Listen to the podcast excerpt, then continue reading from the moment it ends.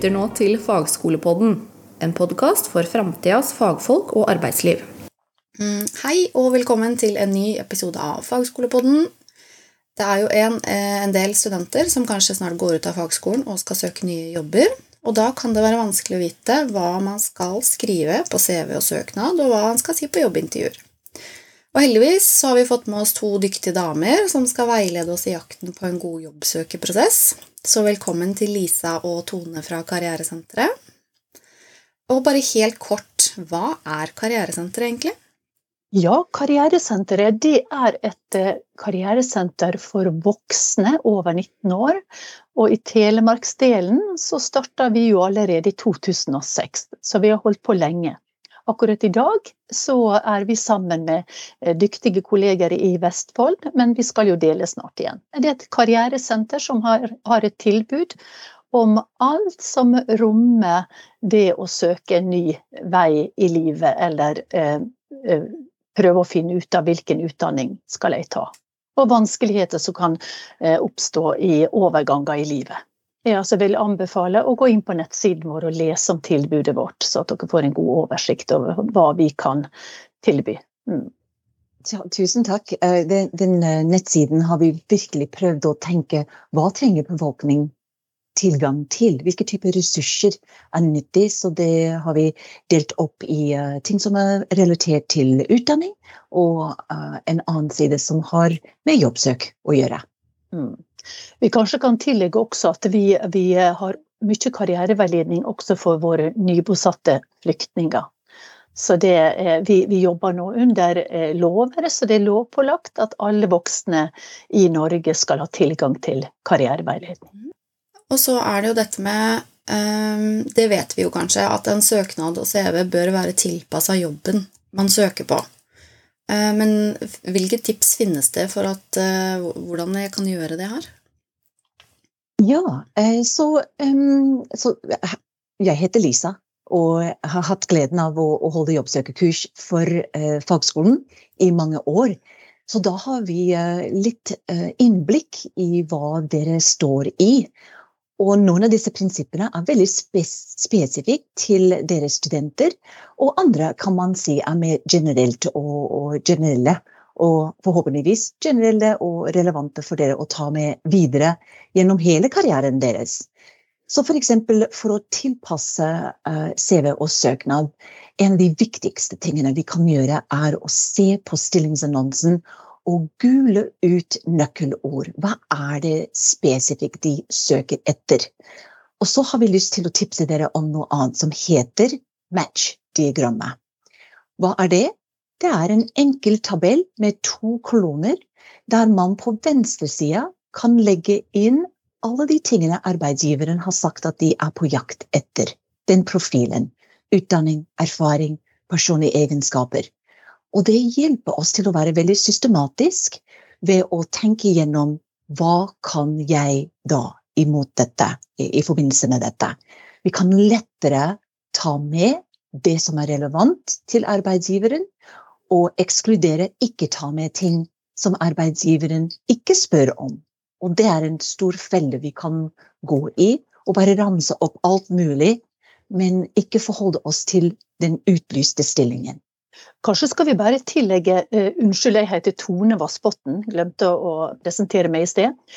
Men kanskje vi skal også tillegge at hvis du ikke akkurat nå har en spesiell stilling du vil søke på, så kan du starte med det som vi kaller en, en kilde-CV. Det vil si at en CV som du kan få lov å boltre deg fritt i, og den kan bli lang. Uh, du kan altså skrive mye. Og den kan vi si, Lisa, kanskje at den er alle fremtidige CV-ers mor. Eh, mm. Sånn at en kilde-CV skal du ikke sende ifra deg. Den er som i, i denne James Bond-filmen 'For your eyes only'. Eh, men den danner et godt grunnlag for å lage spissa CV-er i framtiden. Ja, min, mine syv sider, den kommer jeg aldri til å sende ut. Nei, for er det, er det sånn at uh, en CV skal bare være på én side. En søknad skal bare være på én side. Er det noen regler for det? skal vi si at det ikke er noe faste regler med noe knyttet til jobbsøk. Skal vi starte der? Det er det som gjør det så komplekst. Mm. Men jo, det er noen eh, prinsipper, kan vi si, at vi ser både fra vår erfaring og fra eh, fagstoff. Blant annet ble det utgitt en bok i 2016 som heter Jobbsøkerkoden. Og i den boken snakket de med 100 forskjellige personer som er ansvarlig for rekruttering. Så det har vi uh, sjekket ut at det stemmer med de prinsippene vi lærer bort. Så eksempel, en CV i Norge skal egentlig være innenfor to sider. En søknad kan gjerne være en halv side opp til en side. Det er noe tommefingerregel, kan vi si det sånn? Mm.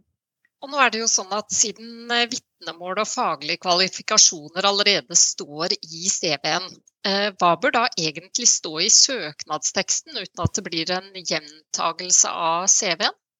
Ja, eh, det er mange som spør om, om det. Først så er det viktig å tenke litt sånn overordna. Det er viktig at CV og søknad og ditt jobbintervju danner en rød tråd i presentasjonen av deg. Og det er nok en myte at en må unngå å gjenta seg. CV og søknad har ulik form, så CV-en er en oversikt eh, og viser på en måte til fortid. Og en oversikt over hva du har gjort gjennom livet, og i hovedsak da knytta til utdanning, arbeid, kurs, verv, andre ting også. Mens søknaden er jo retta mot framtiden, er selve søket på stillingen. Og det er der du klargjør hvorfor du ønsker denne jobben, altså din motivasjon, og begrunne hva som ligger til eh, grunn for at du kan klare denne jobben. Og da er det helt naturlig at visse element blir gjentatt. Eh, så, så, jeg tenker en skal ikke være så redd for det, for formen vil være forskjellig.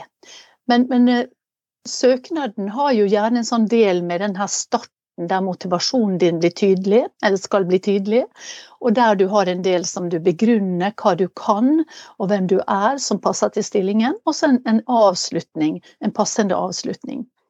Og i CV-en så er det jo dette med å få fram sine nøkkelkvalifikasjoner eller nøkkelkompetanse i starten, helt i starten. Mm. Har du Lisa, noe du vil tillegge der, som jeg har glemt? Nei, jeg er helt enig. Jeg syns det prinsippet jeg hørte for lenge siden, som du refererte til også, um, CV er fortid og søknaden er fremtid, det er så enkelt å forstå hvordan de skal både henge sammen, men også være litt uh, forskjellige. Men uh, hvilke tips uh, finnes det for å bli lagt merke til i mengden, da? Hvis det er Ofte så er det en del søkere på en stilling. Ja, det stemmer. Og det blir spørs, det, vi blir spurt det veldig ofte.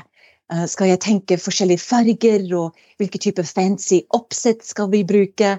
Og vi har, um, ja, som Tone sa, har senteret vært etablert lenge og har lang erfaring med at noen ganger det enkleste er best. Fordi det er innholdet leseren er opptatt av. Du blir lagt, lagt merke til i mengden ved å få fram hva du kan i forhold til det de ønsker.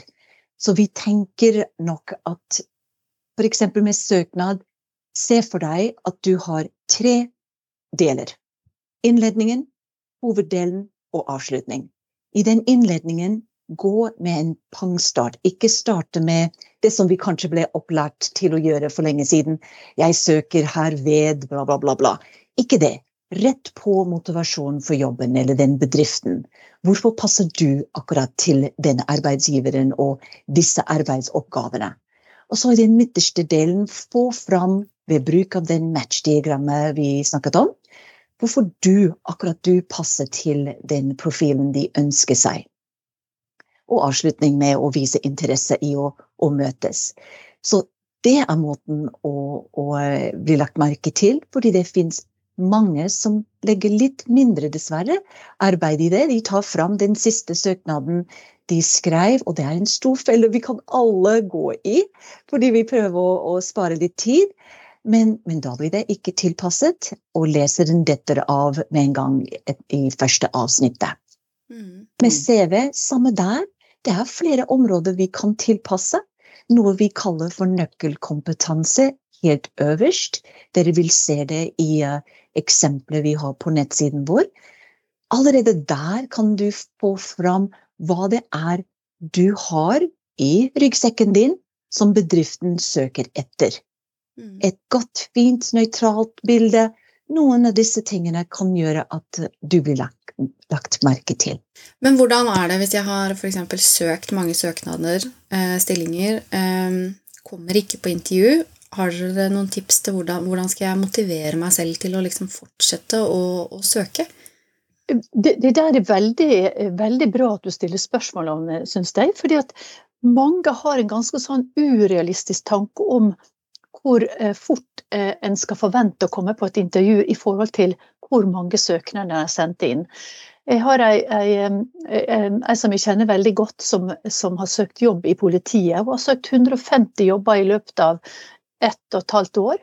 Og fått flere jobb. Altså, hatt flere, men altså totalmengden 150 jobber. Og nå har hun funnet drømmejobben sin. Bare et eksempel. Så det, det, kan være mange yeah. stillinger du bør forvente. Du, du, må ha en litt sånn Ikke det at det er så viktig å søke så mange jobber, men ikke bli for fort skuffa. Mm. Fordi din sjanse kommer, men du, du må ikke gi deg. Mm. Alt er trening. Mm. Men jeg har lyst til å si én ting til som, som, jeg ble litt redd for vi ikke kom helt sånn tydelig fram når vi snakker om søknaden. Den første delen med motivasjon. Eh, når du, Lisa, sa 'pang på', så, så er det for å være så konkret på det, så er det, er det, kan den setningen i, At du har den setningen i hodet, hodet ditt Grunnen til at jeg søker denne jobben, er Og det skal du på en måte besvare veldig tidlig i søknaden. Ikke mm. at du behøver å skrive akkurat den setningen, men at den, den har du i bakhodet. Grunnen til at jeg søker den jobben, er Det blir veldig tydelig for arbeidsgiver. Jeg tenker på spørsmålet ditt, Elise, om uh, hvis folk ikke blir innkalt til intervju. Det kan være så frustrerende, og det kan være mange grunner til det. Mm. Vi har selv uh, et ark der vi um, utforsker hva kan være årsaken til det. Det kan være mange ting knyttet til uh, hvilke jobber søker jeg på, men det kan også være knyttet til søknad, som vi snakker om, om nå.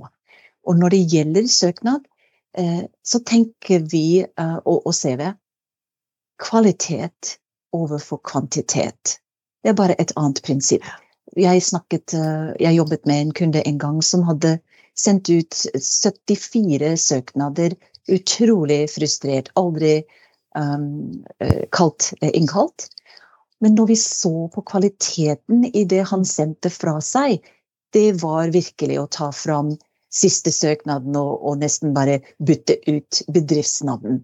Ikke sant? Og ja. jeg mener ikke å si at, eh, at lyttere, lytterne uh, her uh, gjør det, men hvis du tenker kvalitet mer enn uh, Istedenfor å sende ut 20 søknader denne uken, hvis du legger inn mye mer arbeid i tid, kanskje vil, vil det slå positivt. Og jeg er så enig, Lisa. Og Det er derfor det kan være lønne seg å ha jobba med en kilde-CV, sånn at den er i alle fall på plass. For da har en begynt å fått en god forståelse av sin kompetanse. Da er det mye lettere å lage disse her spisse, gode både søknadene og CV-ene, og ikke bare slenge ut av seg masse med søknader til kanskje mindre relevante jobber. Og når dere snakker om eh, kvalitet, så eh, regner jeg med at det også liksom handler om språket i eh, søknad og CV.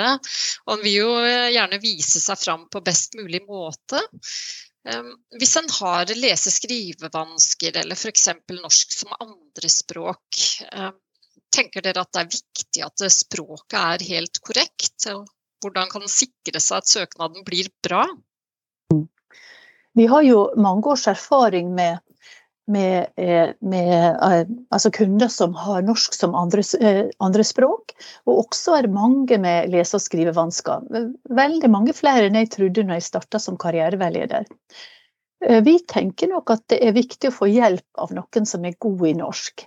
Det er mange som tror at det blir misvisende at en har en, en CV og søknad som fremstår med perfekt norsk, og så er en sjøl ikke så flink i språket. av forskjellige grunner. Men eh, vi ser ikke helt sånn på det. For det å sende ifra seg en CV med dårlig språklig utforming, kan gjøre det vanskelig for mottakeren å forstå tekster, og det kan oppstå misforståelser om din kompetanse, og også evne til å klare jobben. En kan heller da legge inn informasjon eh, i dokumentene sine om at en har dysleksi, eh, hvis, en, hvis en ønsker det, eller en kan forklare det senere. Eh, og for mange som da har norsk som andrespråk, så er det fint å legge ved hvilket nivå en ligger på i forhold til dette eh, internasjonale eh, rammeverket, da, som A1, A2, B1, B2, C1, C2. Um, og så, og så, snakker du Lise, litt om dette her med ordhamstring. Kanskje du har lyst til å, å, si litt om det? Ja, det var et begrep jeg ble introdusert for for mange år siden. Hvis dere ser for dere en ekorn og at de hamstrer nøtter, ikke sant? Så hvis, det, hvis vi kan bruke det metaforen når vi selv sliter med å finne gode, proffe formuleringer når det gjelder arbeidsoppgaver vi har holdt på med, eller utdanning vi har. Hvor kan vi finne det? Jo, det er masse som finnes på nettet. Det gjør jeg også med mine etniske norske kunder, faktisk. Gå til studieplanen, til yrkesbeskrivelse på utdanning.no som er relevante utlyste stillinger, uansett hvor de finnes i, i, Norge. Og se på hvordan forklarer de det uh, jeg kan. Jeg hadde en mann som var eh, nesten ferdig med fagskolestudiet sitt. Og når vi så på søknaden og CV-en hans, hadde han ikke helt kommet til det, det, det vi snakket om i stad, med, med eierskap til det. Så vi, eh, jeg slo opp studieplanen på nettsiden deres, og vi så sammen på hva han skulle kunne eh, på slutten av studiet. Og vi gikk gjennom det, og han bare ble så stolt av Ja, men det kan jeg, og det vet jeg noe om. Og så vi kunne kopiere det rett inn og justere det litt i hans dokumenter.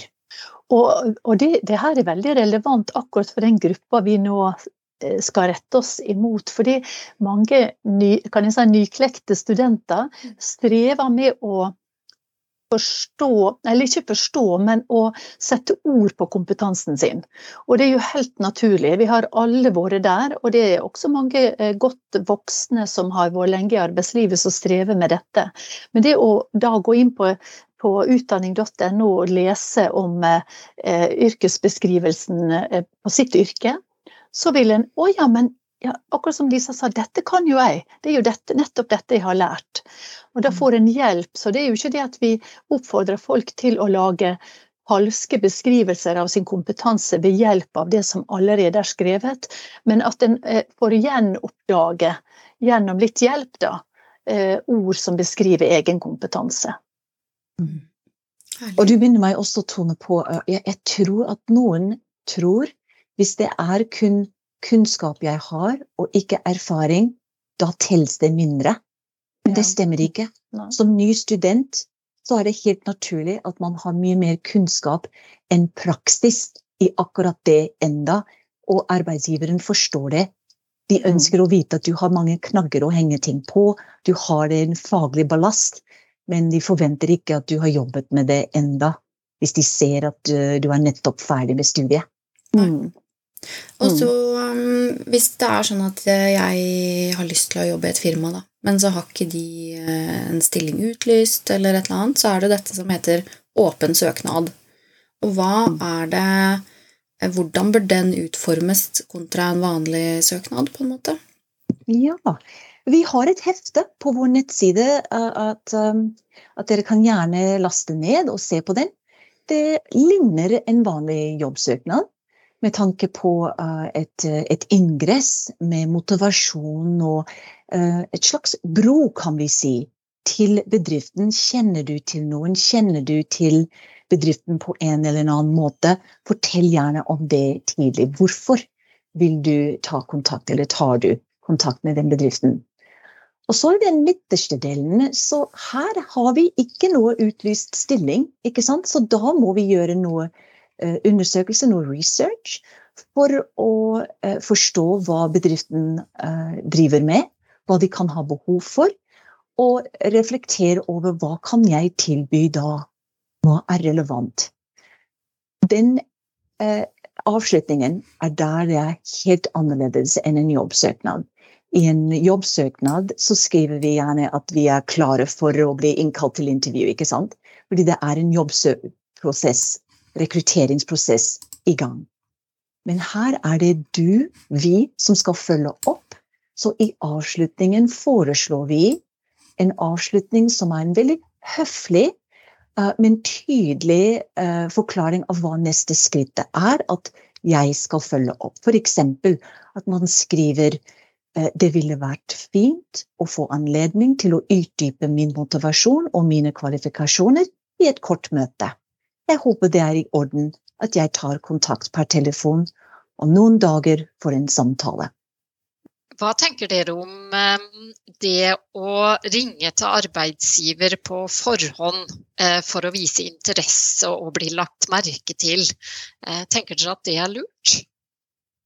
Det, er et veldig godt spørsmål. Jeg er glad for at dere stiller det spørsmålet. For det er mange som, som spør oss også om det.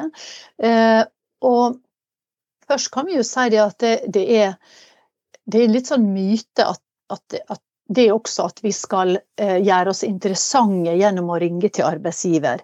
Hvis vi skal ringe til eh, arbeidsgiver, så skal det være av en grunn.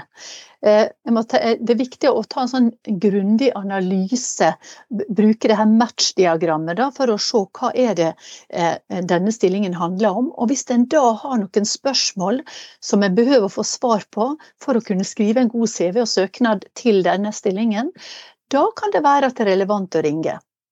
Men det, det å ringe kan jo slå begge veier.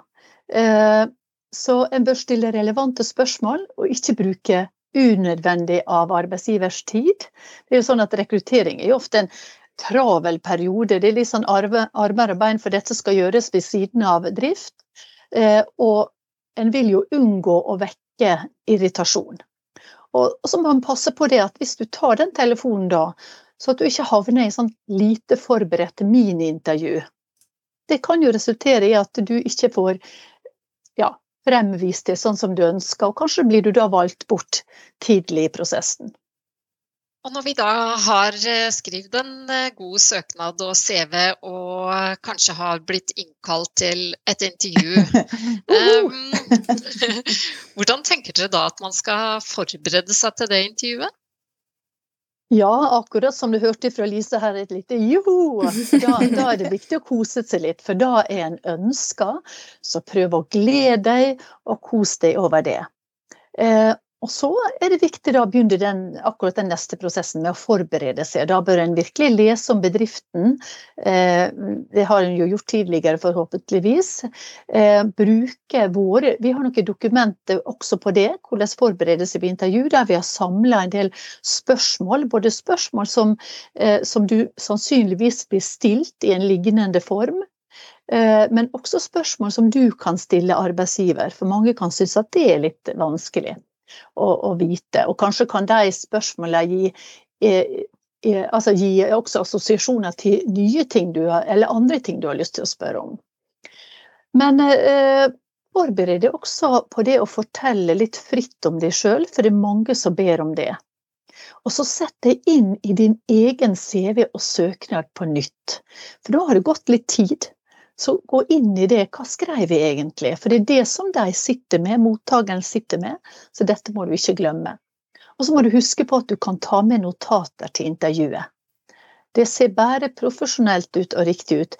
Eh, og så bare, bare, du ikke blir så fordypa i dine notater at ikke du For du må holde fokus på selvfølgelig på den du skal bli intervjua av, da.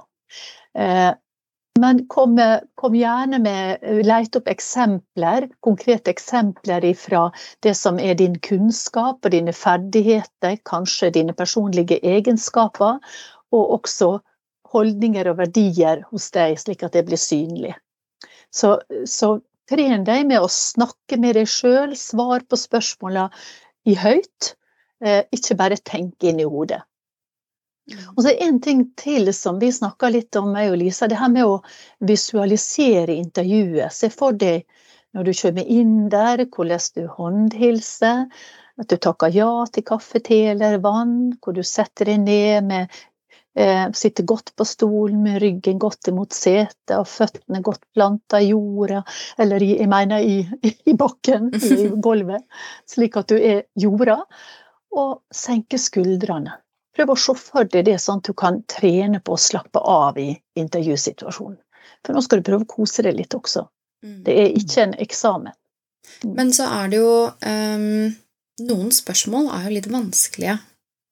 Mm. Uh, er det Hvilke spørsmål er det som folk syns er vanskelig, og hva er det man eventuelt skal svare på det? Vi tenker nok at, uh, at de vanskeligste spørsmålene er de som vi ikke er forberedt på. Så bruk gjerne de uh, listene som vi har, og uh, som du skaffer selv, for å tenke gjennom hva skal jeg si til akkurat dette. Så vi, vi tenker Det spørsmålet dere stiller, er, er veldig subjektivt. For noen kan det, det åpne spørsmål som blir veldig ofte stilt i begynnelsen av et intervju, f.eks. For fortell litt om deg selv. For noen er det veldig skremmende. Hvordan skal jeg gripe det an? For andre kan det være mer knyttet til hull i CV de har, eller noe de syns er vanskelig å snakke om, om de har flyttet fra et annet land eller har helserelaterte ut. Det er ikke noe fasitsvar. Det viktigste er å, å, snakke med noen om akkurat disse spørsmålene du gruer deg til, og og muligheten til å formulere et svar. Hva skal jeg si? Hva skal historien min rundt dette her være? Ikke for mye, og ikke for lite.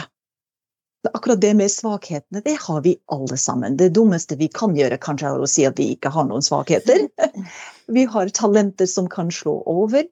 Um, jeg tenker på et eksempel med en kunde nylig, uh, der hun sa at kanskje jeg kan fortelle at jeg har en veldig direkte uh, kommunikasjonsstil.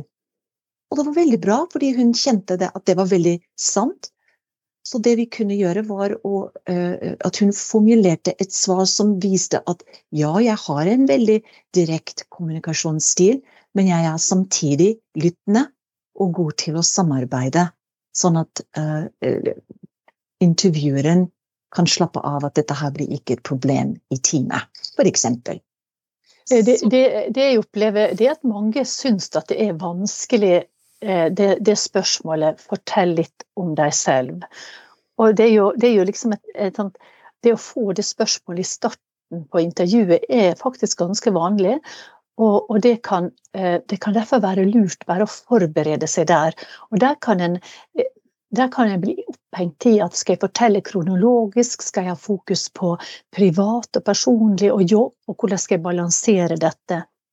Så hvis du gjør deg noen tanker i forkant, der du kanskje lager et visuelt bilde med noen sirkler og skriver bare stikkord inn i hver sirkel, så kan det hjelpe deg til at du berører eh, de områdene som disse stikkordene viser til. Sånn at du ikke glemmer noe. Men ikke vær så redd for at du starter i feil ende, men at du eh, har disse sirklene eller boksene som du vet at dette vil jeg fortelle litt om. Mm. Mm. Så er det jo kanskje vanlig å tenke at i en intervjusituasjon så er det jeg som får spørsmåla og skal svare. Men kan det også være lurt å snu situasjonen og stille spørsmål til arbeidsgiver? Eventuelt hvilke? Ja, jeg tenker jo det at når en, eh, altså når en eh, sitter i et intervju, så gjør en seg sjøl eh, kan vi si, legitim for jobben på mange forskjellige måter. Eh, og, og, det å stille egne spørsmål er en, en, sånn måte. Det å vise at jeg er interessert, jeg er på nett, jeg er aktiv, framoverlent. Eh, så, så, du skal ikke være redd for å stille spørsmål. Du kan også gjøre det underveis hvis det er naturlig i intervjuet. Men du må selvfølgelig passe på så at ikke du begynner å ta over intervjusituasjonen, som blir sånn passelig. Eh, en god balanse. Men mange eh, lurer jo på hva er det som kjennetegner det arbeidsmiljøet jeg nå har søkt meg inn i, og hvordan er virksomheten og avdelingen organisert? Hvem skal jeg samarbeide med? Hvordan vil opplæringen foregå? Eh, hvordan er arbeidstiden? Hva slags mål har virksomheten framover? Og type sånne spørsmål. Og disse spørsmålene står også i dette eh, verktøyet som vi har lagt ut. da. Så, så, her er det absolutt mange spennende spørsmål du kan stille som du kanskje ikke har tenkt på, men som gir deg mye mer rikholdig eh, informasjon for å vurdere vil jeg ha denne jobben, eller vil jeg ikke. For det her er en gjensidig vurdering og utforsking. Det er ikke bare du som skal få en jobb, du skal også vurdere om du vil ha den. Mm. For det handler jo om at bedriften også skal selge seg inn hos meg som har søkt jobb, ikke sant? Mm, ikke bare motsatt. Mm. Ja, absolutt. Eh, men eh, nå har vi snakka en del om hva vi burde gjøre, da. Eh, mm. Men hva er det vi absolutt ikke burde nevne eller gjøre i, en, i et jobbintervju? Mm. Vi, uh, vi, tenker at uh, noen ting er helt opplagt, åpenbare. F.eks. Å, å tygge gummi og ha snus og glemme å skru telefonen av og komme for seint. Um, tenk gjerne gjennom hygiene. Klippe deg og tenke litt som klesstil, kleskoden til det stedet du søker deg til. Eh, når det gjelder å nevne og ikke nevne, så lurer vi på om eh, at man kan tenke litt gjennom hva, hva, skal jeg fortelle, hva skal jeg la være med å fortelle? Ikke utbrodere om vanskelige livssituasjoner, f.eks. Og i hvert fall tror jeg alle vet, la være med å kritisere tidligere eller nåværende arbeidsgivere. Og det er, ja, noen kan stå i veldig vanskelige situasjoner. Det kan være fint å ha snakket med noen andre om hvordan det oppleves, og hvordan du ønsker å kunne snakke mer nøytralt om nåværende arbeidsgiver. Eh, F.eks. det spørsmålet som blir ofte stilt hva er grunnen til at du søker deg bort fra der du er? Det trenger vi tid til å reflektere. Hva skal jeg si? Hva skal jeg la være med å si? Hva er troverdig? Hva er eh, ja, bra i et intervjusituasjon? Eh, en intervjusituasjon å si. Mm. mm. Ikke noe fasitsvar? Jeg er litt sånn hva eh, Hvis jeg har vært på intervju, da, eh, og så forteller ikke arbeidsgiver så mye om prosessen videre, eh, og så tar det litt tid før jeg får vite noe. Eh, burde jeg ta kontakt med arbeidsgiver for å høre litt hvordan prosessen ligger an, eller blir det tatt for å mase, eller hvordan på en måte kan jeg eh, finne ut av hvordan jeg ligger an, da? Og det er jo helt naturlig at, at en lurer på disse tingene.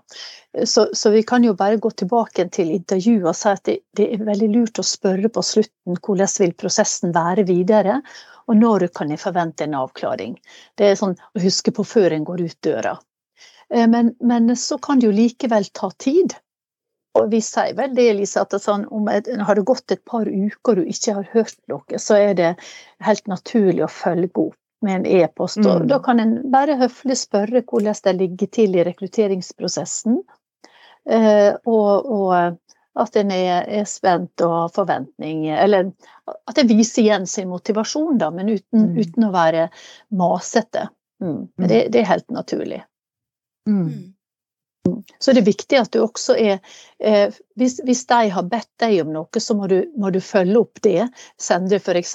referanser eller papirer, attester vitnemål og sånn. Men også at du er tilgjengelig på telefon. For det kan være veldig irriterende når du ikke når kandidaten når en skal kanskje fortelle en gledelig beskjed om at nå er du kalla på intervju. Så en ting eh, eh, til eh, det her at eh, vite at karrieresenteret eh, vi, vi, tilbyr jo karriereveiledningsteamet akkurat for forberedelse til intervju. Så en skal ikke dra seg for å søke hjelp knytta til det. Så en er litt urolig for det med intervju, så bestill en time, så kan det hjelpe å få gå igjennom det.